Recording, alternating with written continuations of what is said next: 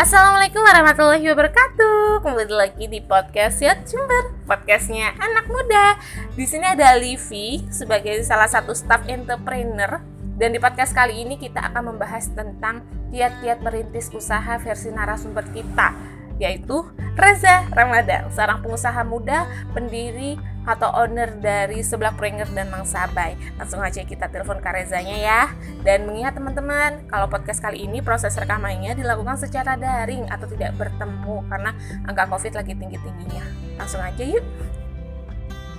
Halo Kak Reza. Halo. Halo, Assalamualaikum. Waalaikumsalam warahmatullahi wabarakatuh. Uh, gimana nih kabarnya Kak Reza? Oh, baik, Alhamdulillah. Saya bicara dengan siapa ya? iya, perkenalkan terlebih dahulu. Ini Livi, salah satu staff entrepreneur dari GOT Jember. oh, dari siapa tadi namanya? Livi, Alifiasi. Oh. Dipanggil Livi aja. Livi, Livi ya, ya. Iya. Ada yang bisa dibantu, Mbak Livi? Uh, Livi mau tanya-tanya seputar bisnis usaha versi Kak Reza sendiri gitu. Tapi oh, uh, mau berterima kasih terlebih dahulu karena udah mau diundang di podcast ini. Oke, okay, terus waktunya gitu. Dan uh, sebelumnya tadi Liz udah bahas tentang Kareza sedikit sih di awal podcast ini. Uh, dan Livi ini Kareza uh, saya mempersilahkan Kareza sendiri untuk memperkenalkan terlebih dahulu uh, Kak Reza ini siapa sih sebenarnya gitu. Oke. Sebelum jauh ke sana, memang tadi apa yang sudah dibahas di awal? Uh, di awal, uh, Livi bilang kalau Livi bakalan mengundang uh, salah satu uh, narasumber terpercaya menurut Livi karena dia itu pengusaha muda dan sedang banyak belajar. Salah satu, bukan salah satu sih sebenarnya satu-satunya owner dari sebelah Pringers yang hmm, makanan itu hits banget di kalangan anak muda khususnya di daerah Jember gitu. Waduh, hits banget ya, padahal biasa-biasa aja. Livi sendiri suka. Mbak Livi udah pernah produknya, eh, udah pernah coba produknya? Uh, kalau sebelahnya belum, tapi bakso acinya. Karena oh. Suaranya agak saya putus-putus ya, halo? Iya nih, gimana nih kak? Suara putus-putus mas? Ya saya cari tempat yang agak tertutup ya. Oh iya. Oke, lanjut. Jadi langsung mulai ke perkenalan dulu ke saya ya. Iya. Oke, sebentar ya.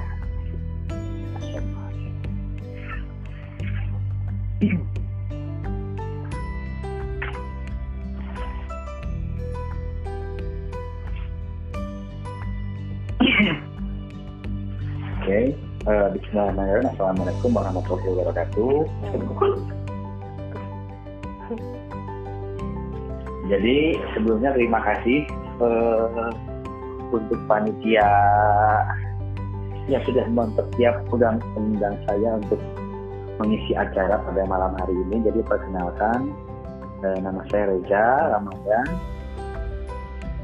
Di sini uh, saya sebagai pemilik atau owner dari sebelah Premier. Kebetulan bidang bisnis saya hanya sebelah aja untuk sekarang ada dua sebetulnya. Suaranya jelas ya? Iya, lumayan jelas. Jelas ya. Jadi sekarang uh, saya baru buka usaha lagi baru uh, di bidang makanan juga sama. Uh, nama brandnya adalah uh, Mang Sabai Spesial Ayam Bakar. Jadi ada dua sebetulnya saran usaha saya. Itu. Menurut saya bisnis udah jalan sekitar hampir lima tahun ya, eh enam tahun dari 2015 sampai 2021. Ya alhamdulillah masih bisa berjalan sampai saat ini. Jadi dulu memang eh, awal saya mulai bisnis memang eh, dari bawah dulu, ya mulai dari apa namanya jualan gorengan dulu masih zaman saya kuliah, terus bertahap mulai punya warung dan lain-lain. Tapi sebelumnya itu mungkin sebenarnya Kak Reza uh, mulai usaha itu kira-kira di usia berapa ya Kak? Saya usaha itu mulai dari umur 20 sekarang saya kan kalian tahun dua saya kan kelahiran tahun 95 ya 95 itu sekarang saya umur 20 di 26 tahun. Mungkin saya mulai usaha dari umur 20 tahunan. wow untuk usaha yang benar-benar usaha ya karena mungkin saya sebenarnya dari zaman SD SMP itu udah mulai jualan-jualan kecil-kecilan di rumah. SD SMP cuman kan masih belum tersistem dan terstruktur dengan baik. Jadi masih dagang lah. Ya. cuman kalau udah masuk umur 20 tahun udah mulai mengenal apa itu manajemen dan lain-lain. Dan uh, kalau misalnya tadi udah dibilang kalau uh, mulai usaha dari tahun gitu ya dan uh, kenapa sih Kak Reza itu memilih usaha di bidang makanan gitu karena menurut Livi usaha di bidang makanan itu kayak uh, susah-susah gampang kalau misalnya nggak cocok sama rasanya masyarakat sekitar itu kayaknya susah gitu mas Nah, sebenarnya kita kalau bicara masalah susah gampang itu dari perspektif ya. Uh, karena gini, terkadang kan setiap orang kan punya passion toh. Oh iya. Tinggal kita lihat aja uh, minat dan bakat dan uh, soft skill kita di mana. Misalnya contoh kayak Mbak Livi ini, kalau memang bakat dan minat atau passion Mbak Livi di bidang bisnis tapi di bidang jasa, fokuskan di situ. Jangan sampai beda alur. Misalkan kayak saya, uh, memang bidang bisnis, eh, memang keahlian saya itu masak misalkan ya, dan memang juga saya suka makan, akhirnya kan menjadi fashion toh yang namanya sudah menjadi fashion kan kita akan lebih popularitas karena kita mengetahui uh, alur bisnis yang kita sedang jalani. Tapi kalau misalkan Mbak Lipi bisa hanya di, di apa bidang bisnis yang di jasa, tapi ini coba di kuliner tanpa ilmu di persiapan yang matang, hmm. ya siap-siap aja dia akan struggle. tapi selama ini kalau memang kalau prinsip saya ya selama ini kalau kita mau belajar uh, dan mau ambil resiko dan siap untuk naik turun ya nggak ada masalah sih. Semua masalah bisa selesai kalau kita ada mau kita mau belajar sih kembali ke sini tinggal kita siap kan nih untuk uh, maksudnya untuk mengalami naik turun? Karena ini kebanyakan teman-teman uh, UMKM atau teman-teman yang baru belajar bisnis oh. terkadang dia baru dikasih sentilan sedikit udah udah loyo mentalnya gitu. Jadi saya tahu dia uh, apa namanya dia baru ngebuat satu produk misalkan dia udah berapi-api membangun bisnis ke teman-temannya dan lain-lain. Tapi setelah dia udah create produk, create brand setelah itu nanti dia udah start operasional ternyata di lapangan apa yang sudah dia gambarkan di awal secara fantasi bakal ramai dan lain-lain ternyata di lapangan berbeda gitu loh. Karena mungkin dia terlalu optimis dengan produk yang sudah dia buat dia merasa enak tapi kita bicara masalah enak ya karena enaknya kita belum tentu enak ke pelanggan gitu ya. ya makanya kita harus bisa betul-betul uh, create suatu produk uh, dengan baik gitu. kita juga perlunya adanya riset terlebih dahulu karena sekarang banyak yang blunder itu asal buat produk dia mengklaim bahwa mulut dia yang terbaik akhirnya dia menyeragamkan semua rasa bahwa rasa dia itu enak akhirnya setelah terjun ke pasar akhirnya pasar kurang bisa menerima. Akhirnya setelah uh, budget yang dikeluarkan lumayan banyak akhirnya dia sepi misalkan akhirnya mentalnya kena akhirnya mood moodnya loyo akhirnya berhenti jualan. Hmm. nah kebanyakan kebanyakan seperti itu.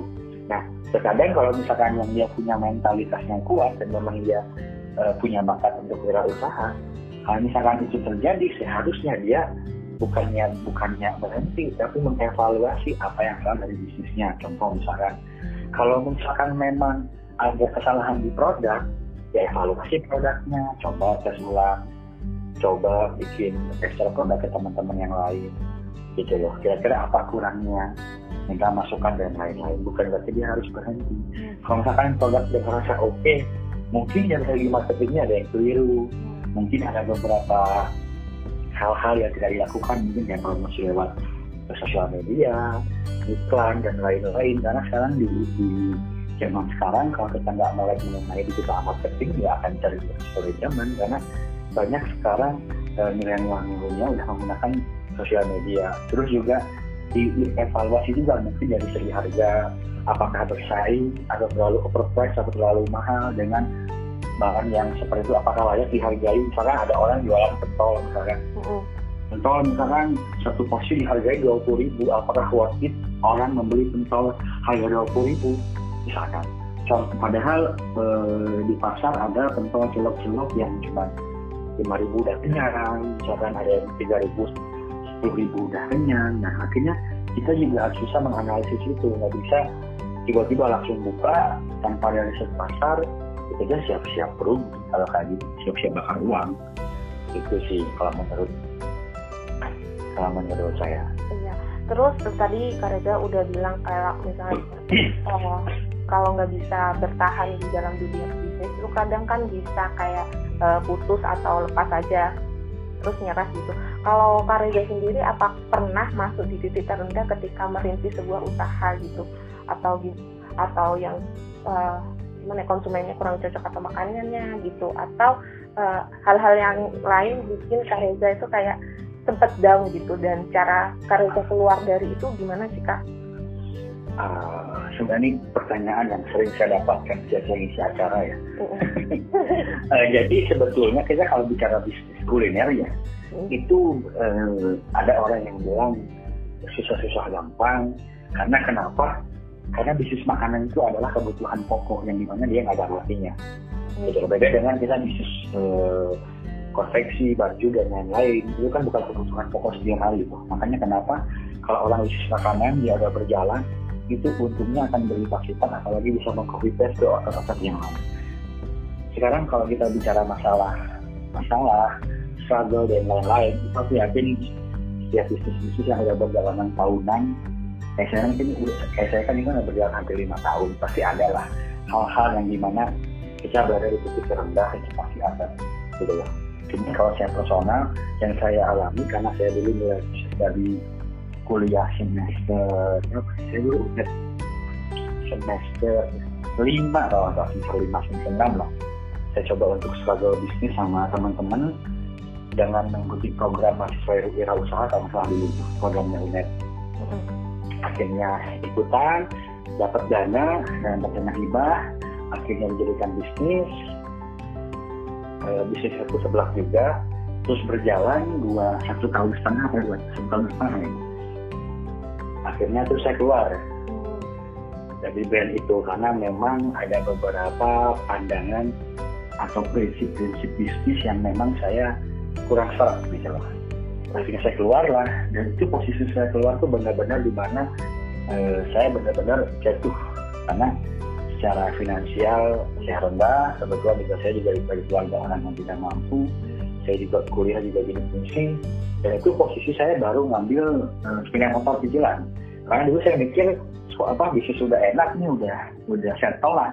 Satu satu bulan bisa dapat uang bisa cicil cicil motor. Cuma karena ada masalah akhirnya saya keluar otomatis kan harus biaya sehari-hari, iya. harus bayar cicilan, belum bayar UKT karena beasiswa dari saya sudah habis, belum untuk bayar sehari-hari karena memang saya dari semester satu sampai semester akhir itu nggak pernah minta uang ke orang tua sama sekali gitu lah. Akhirnya saya kan merasa down lah, iya. down. Akhirnya saya coba untuk bangkit lagi untuk membuka usaha lagi. Yang sekarang usaha itu menjadi sebelah partner itu lagi karena memang hobi dan bakat saya ada di situ. Dan kenapa saya pilih sebelah? Karena memang uh, itu makanan dari wilayah uh, saya di Bandung dan ini saya bawa ke Jember untuk saya populerkan di sini. Setelah kayak gitu pasti adalah hal-hal jatuh bangun kayak gitu. Cuman itu tadi setelah kalian jatuh ya kalian baru berhenti apa kalian ini untuk bangkit gitu lah. Cuman kalau uh, hemat saya, mumpung kita masih muda, mumpung kita juga masih lajang, nggak punya tanggungan apa-apa. Jadi selagi kita masa muda ya habiskan masa kegagalan sebanyak-banyaknya. Karena kalau kita udah tua, kita nggak akan mendapatkan itu lagi gitu. Karena kalau udah tua ya kita gagal punya tanggungan istri, anak dan lain-lain. Tapi kalau kita masih lajang, kita lebih enak kalau misalkan kita rugi bangkrut ya. Ya paling yang yang eh, apa namanya yang ibaratnya kan cuma kita aja gitu loh. Iya. Jadi kita bisa mikir lagi, mikir lagi gitu gimana belum punya tanggungan apa-apa. Jadi manfaatnya kita dari masih muda. Kalau udah udah berkeluarga gitu, harus benar-benar teliti kan gitu loh. Karena ada ada dampak yang akan dirasakan misalnya kita salah mengambil keputusan terkait bisnis. Makanya kalau menurut teman-teman kalau menurut saya, bagi semua teman-teman yang ingin memulai bisnis di usia muda, jalan aja gitu loh jangan pernah takut untuk ambil resiko gitu karena uh, prinsipnya adalah uh, apa namanya? High risk high return resiko besar ya untung juga besar. Dan dan yang yang perlu kalian pahami bahwa setiap bisnis itu pasti harus siap rugi gitu loh tapi resikonya untung.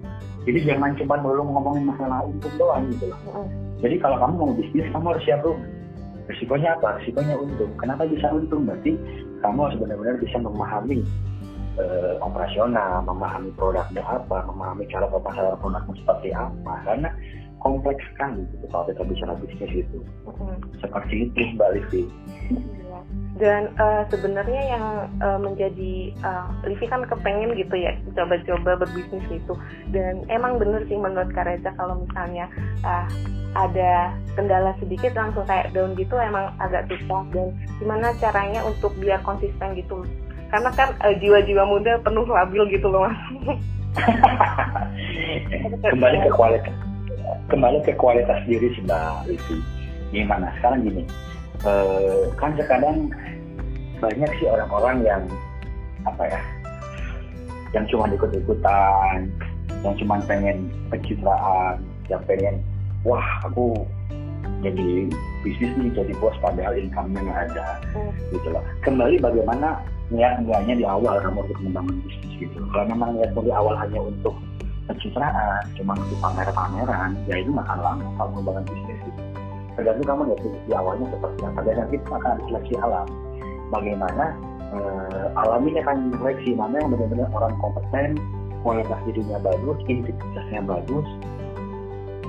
Itu akan menjadi seorang pengusaha. Kenapa? Karena pengusaha itu dituntut untuk untuk bisa semuanya gitu loh dan yang paling utama adalah dia harus punya keyakinan tinggi dengan apa yang dia lakukan. Sekarang kalau misalkan dia personalnya udah nggak percaya diri, udah nggak yakin sama produknya, udah pesimis, saya bisa jamin, hmm, dia nggak ada apa-apa gitu. Tapi biasanya kalau orang-orang yang punya mindset besar, di awal dia pasti bicara udah ngomong masalah lima tahun ke depan, 10 tahun ke depan, udah ngomongin visi misi produknya mau dibuat apa, bisnisnya menjadi seperti apa, dia udah punya pandangan gitu loh. Nah, bagaimana kita bisa punya keyakinan seperti itu? Hal yang paling mendasar adalah kita harus mandiri. Hmm. Kita harus mandiri, yakin dengan kemampuan kita sendiri. Karena gini, kita bicara bisnis, kita ngomongin modal, gak cuma dulu masalah uang. Kenapa? Karena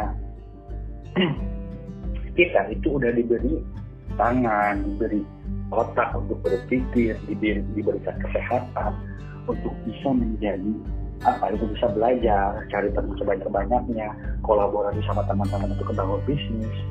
Jadi nggak melulu masalah uang. Aku membangun trainer di tahun 2017, modalku berapa? Cuman 4 ribu doang. Wah.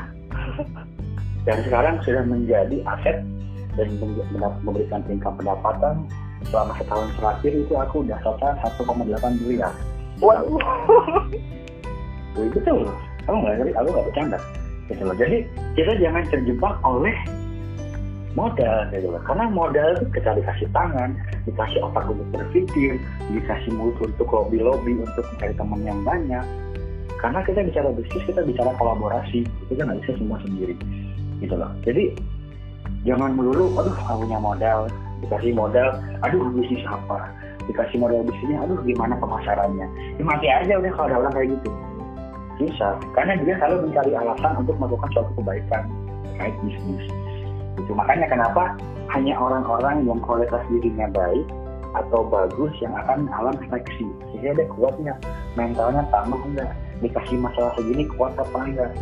Karena semakin tingginya pohon angin semakin kencang gitu. Lah oh, iya, kan contoh nih kayak, kayak saya sekarang kan lagi heboh PSBB, PPKM dan lain-lain gitu loh. Kan banyak tuh UMKM UMKM yang kena dampak. Sampai kemarin kata saya yang di Sumatera sama yang di banyak trainer yang di Sumatera sama Bang Sabah yang di Sumatera kan berapa kali kena grebek dan masa COVID gitu lah. Jadi kan semua kan serba ketat dan lain-lain. Nah, sekarang bagaimana kita menanggulangi masalah-masalah ini? Karena memang sekarang kan apa ya maju kena mundur kena gitu. Kita ngotot takut virus makin banyak.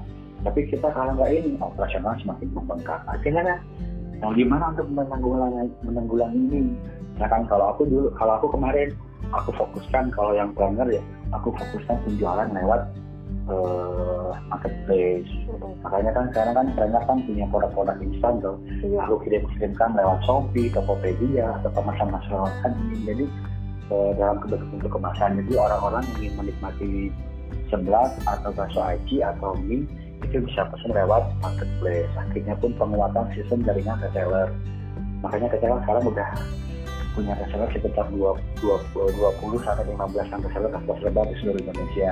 Oh. itu terus kita juga manfaatkan untuk di offline akhirnya kita buat promo untuk delivery untuk nasabah sama untuk sama. Jadi kita dipacu dan itu berpikir terus setiap jadi setiap ada masalah kita harus cepat untuk berimprovisasi. Jadi jangan ada masalah kita mencari solusinya lambat. Itu. Jadi setiap ada karena memang pengusaha itu itu itu untuk mikir terus mikir terus. Jadi emang gak ada jam gak ada jam kerja. Beda sama orang orang yang kerja. Makanya kenapa aku bilang mindset berpikir pengusaha sama pegawai itu memang udah jelas berbeda. Contoh misalkan dari ini aja dari cara kerja aja. Cara kerja pengusaha sama karyawan kan udah beda. Misalkan contoh karyawan kan udah jelas kerja dari jam berapa sampai jam berapa. SOP-nya juga jelas gajinya juga jelas satu bulan sekali berapa. Sedangkan pengusaha kan belum tentu sekarang dapat uang berapa iya, belum tentu rame apa enggak. Kira-kira bulan ini profit apa enggak kira-kira mampu nggak bayar karyawan bulan karyawan bulan ini kan masih belum tahu. Terus pun kan hidupnya nggak pasti. Kira-kira kita kan sebagai pengusaha nggak pasti. Bulan ini apa itu itu enggak ya? Mungkin enggak ya gara-gara karyawan dan lain-lain. Dan pegawai kan nggak mikir itu. Nah nah yang aku bilang tadi high risk high kan. Makanya yang namanya pengusaha kan bisa hari ini minus 20 juta.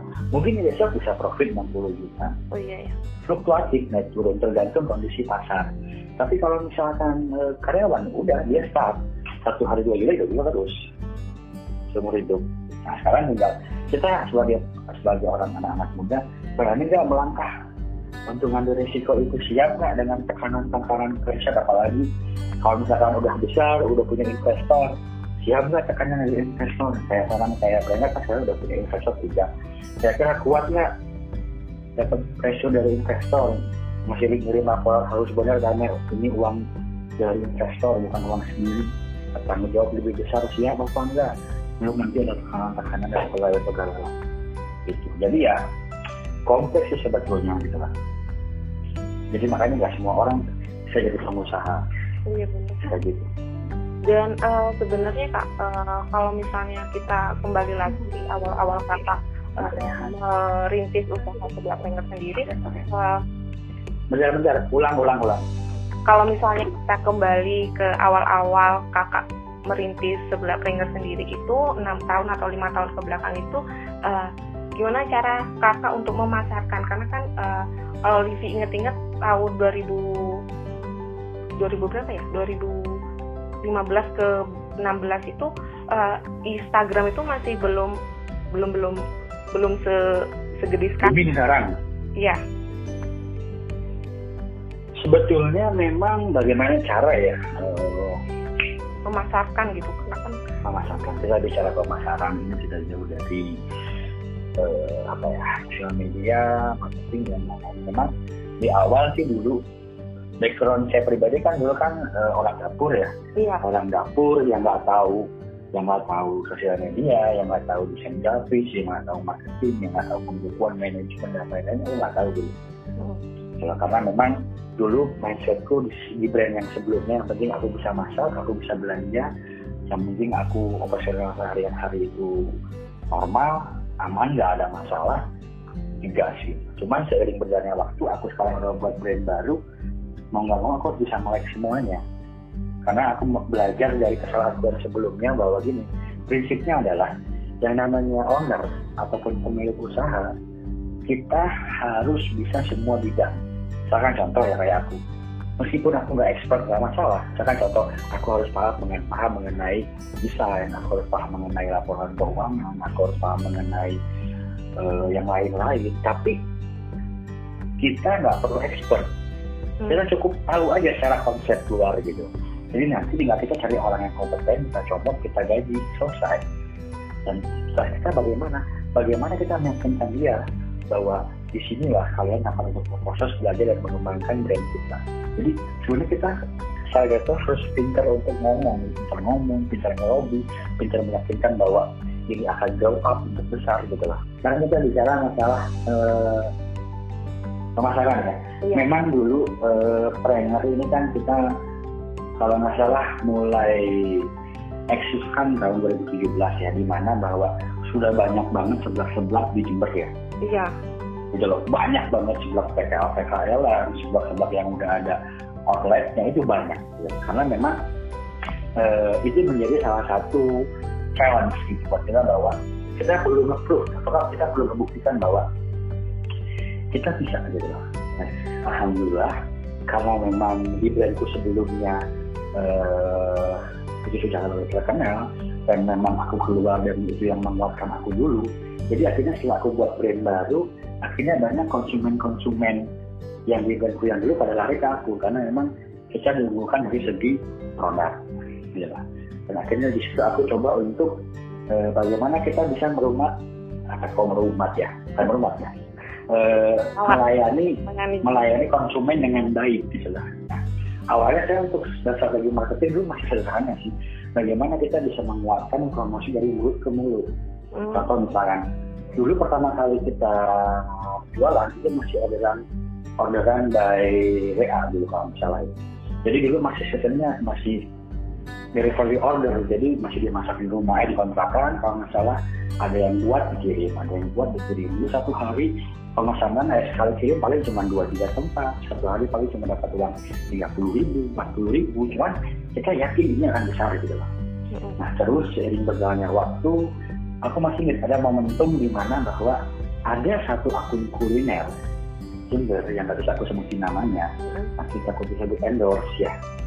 Dia order nih, tanpa kita tanpa kita eh, suruh untuk endorse dia. Oh iya. Jadi dia beli ya, terus dia coba, terus mungkin merasa cocok dengan produknya. Ya akhirnya dia eh, promosikan tanpa kita minta gitu lah Oh. Dia promosikan, promosikan, mungkin ngerasa produknya yang berbicara secara aktif. Akhirnya besoknya yang awalnya cuma orderan cuma 2, 3, 6, gitu. tiba-tiba membengkak jadi 50 pesanan, Wow. 65, sampai kita kelabakan, sampai kita bingung. Aku dalam satu sampai tiga hari ke sampai tiga hari setelah itu aku masih bingung. Kok tiba-tiba membludak gitu ya. Akhirnya aku sampai tambah karyawan buat ngirim-ngirim karena kan nggak mampu toh kalau cuma satu orang mungkin yang ngirim dari tiga ke tempat-tempat. Nah setelah aku selidiki di sosial media, di Instagram terutama, bisa Instagram masih booming-boomingnya. Oh ternyata ada yang promosiin akun kuliner. Nah akhirnya di situlah mulai penguatan promosi dari mulut ke mulut. Nah cuma apa yang perlu dijaga itu adalah produknya. Jadi kita benar-benar konsisten. Dan setiap ada orang yang order, kita upayakan untuk memberikan pelayanan yang baik. Contoh misalkan yang namanya kita jualan kan pasti kan ada trial trial error ya. Misalkan contoh ada pesan apa, tiba-tiba ada keliru pesanan, keliru topping, misalkan atau enggak gimana, atau enggak mungkin lambat pengirimannya. Nah, ada beberapa yang disengaja, ada beberapa yang tidak disengaja. Nah, kenapa saya sebutkan seperti itu? Karena kalau yang disengaja, yang saya lakukan adalah kenapa? Misalkan contoh, saya ngirim ke Mbak misalkan. Saya sengaja, saya, saya apa namanya, saya hilangkan toppingnya misalnya. Akhirnya kan Mbak Livi komplain dong, mas kok nggak ada, nggak ada toppingnya. Nah, akhirnya Mbak Livi komplain dong. Nah, setelah itu langsung aku menjelaskan, oh iya Mbak Livi, akan Livi minta maaf dengan baik. Akhirnya Mbak Livi kasihkan garansi dua porsi sampai tiga porsi. Nah, akhirnya setelah itu kan Mbak Livi kan pertama merasa dihargai, Iya, merasa dianggap, akhirnya dikasih benefit lebih banyak. Setelah itu akhirnya Mbak Mbak Livi akhirnya ceritalah ke teman-temannya, oh aku ini tuh di primer, apa jenengannya toppingnya lain tapi moro-moro ordernya dikasih tiga porsi. Wis produknya enak, ownernya ramah, Hmm. dikasih garansi. Nah, akhirnya dari itu kan dari mulut ke mulut tuh. Iya. Jadi kunci A, B, C, D, E, F, G, dan itu pun akan dan itu pun aku lakukan ke semua orang yang order. Bisa akhirnya boom. Akhirnya kita langsung seketika rame gitu. Jadi itu satu hari itu masih di delivery order itu satu hari gitu bisa 50 pesanan. Itu 50 pesanan tuh satu pesanan bisa ada 4, 5, 6 porsi sampai kelabakan dulu. Akhirnya kita ngambil satu keputusan untuk buka outlet di Jaya Sumatera. Kalau nggak salah itu buka kita tahun 2017 tang bulan September tanggal 2 kalau nggak salah. Akhirnya kita buka outlet, akhirnya kita campaignkan ke lewat PA dulu masih sama IG masih sorry sorry cuma bikin bikin kata-kata kita kasih promo buy one get one ya apa ngedit pakai kanva ala kadarnya Mm-mm. akhirnya langsung ngepung. Sama banget gitu Hmm. akhirnya setelah itu ya berkembang berkembang berkembang ya sampai sekarang. Cuman memang pada prinsipnya dulu meskipun sudah buka tempat ya aku masih tetap aku masih tetap ikut operasional. Ikut operasional masak dan lain-lain karena dulu masih belum ada tim. Ada tim ini ada tim keuangan bagian belanja purchasing eh, supervisor terus bagian desain marketing kepala produksi dulu masih belum ada dulu masih semua aku tandang sendiri gitu. Cuma seiring berkembangnya zaman, berkembang omset dan lain-lain barulah sekarang omset sudah agak naik barulah coba coba untuk bagian keuangan, coba untuk bagian desain dan grafis. Jadi mengikuti naiknya omset. Gitu. Nah, alhamdulillah sekarang kita udah dalam bentuk CV, kita juga udah ada tim individu juga terbagi dari ada bagian keuangan, ada bagian kepala produksi, ada bagian logistik, ada bagian purchasing, ada bagian SDM, sama desain grafis gitu. Wah, Kayak gitu sih. panjang sih. Maksudnya kalau misalnya dengerin cerita dari Kak, Kak Reza sendiri mendirikan uh, usaha sebelah prengernya itu naik turun ya. Maksudnya uh, banyak rintangannya, juga banyak sukanya, banyak dukanya gitu. Dan terakhir buat Kak Reza apa rencana ke depan uh, Kak Reza setelah ini gitu untuk bisnis. lanjut. Kita kalau bicara rencana ke depan eh, banyak banget yang mau kita lakuin.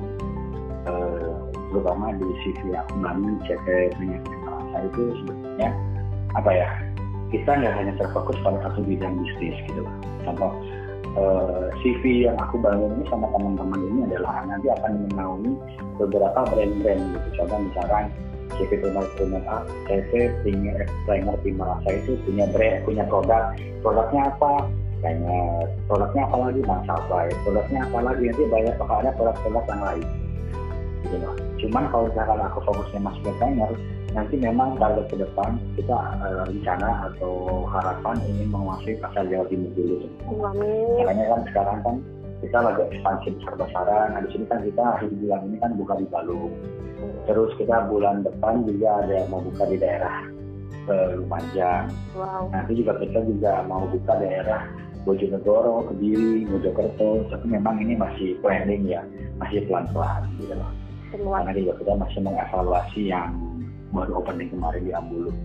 Kayak gitu. Kita kalau bicara ke depan banyak sebetulnya eh, ambisi-ambisi atau planning-planning yang sudah kita dengan rapi.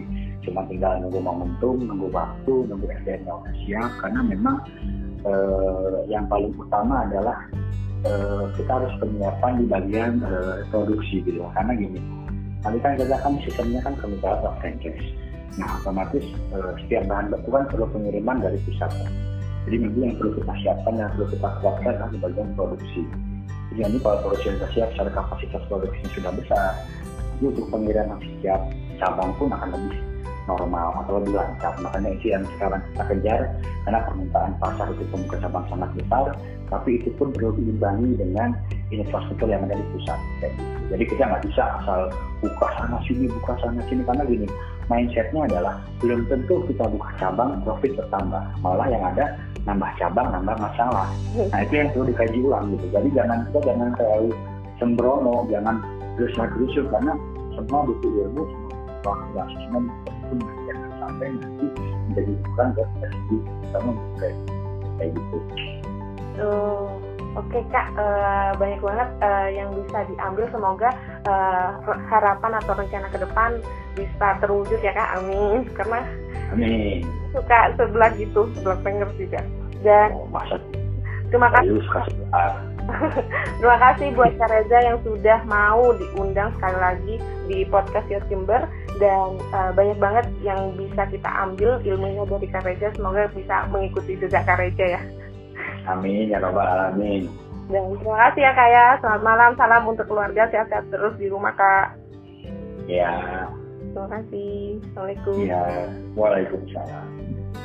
Iya, Lusa sudah podcast pada episode kali ini. Episode Kiat-Kiat Merintis Usaha versi Reza Ramadan. Sekali lagi seorang pendiri atau owner dari Sebelah Pringer dan Mang Sabai Semoga episode kali ini yang kita omongin tadi uh, Dapat bermanfaat atau menjawablah pertanyaan-pertanyaan teman-teman yang lagi usaha bisnis. Dan sampai jumpa di podcast selanjutnya. Wassalamualaikum warahmatullahi wabarakatuh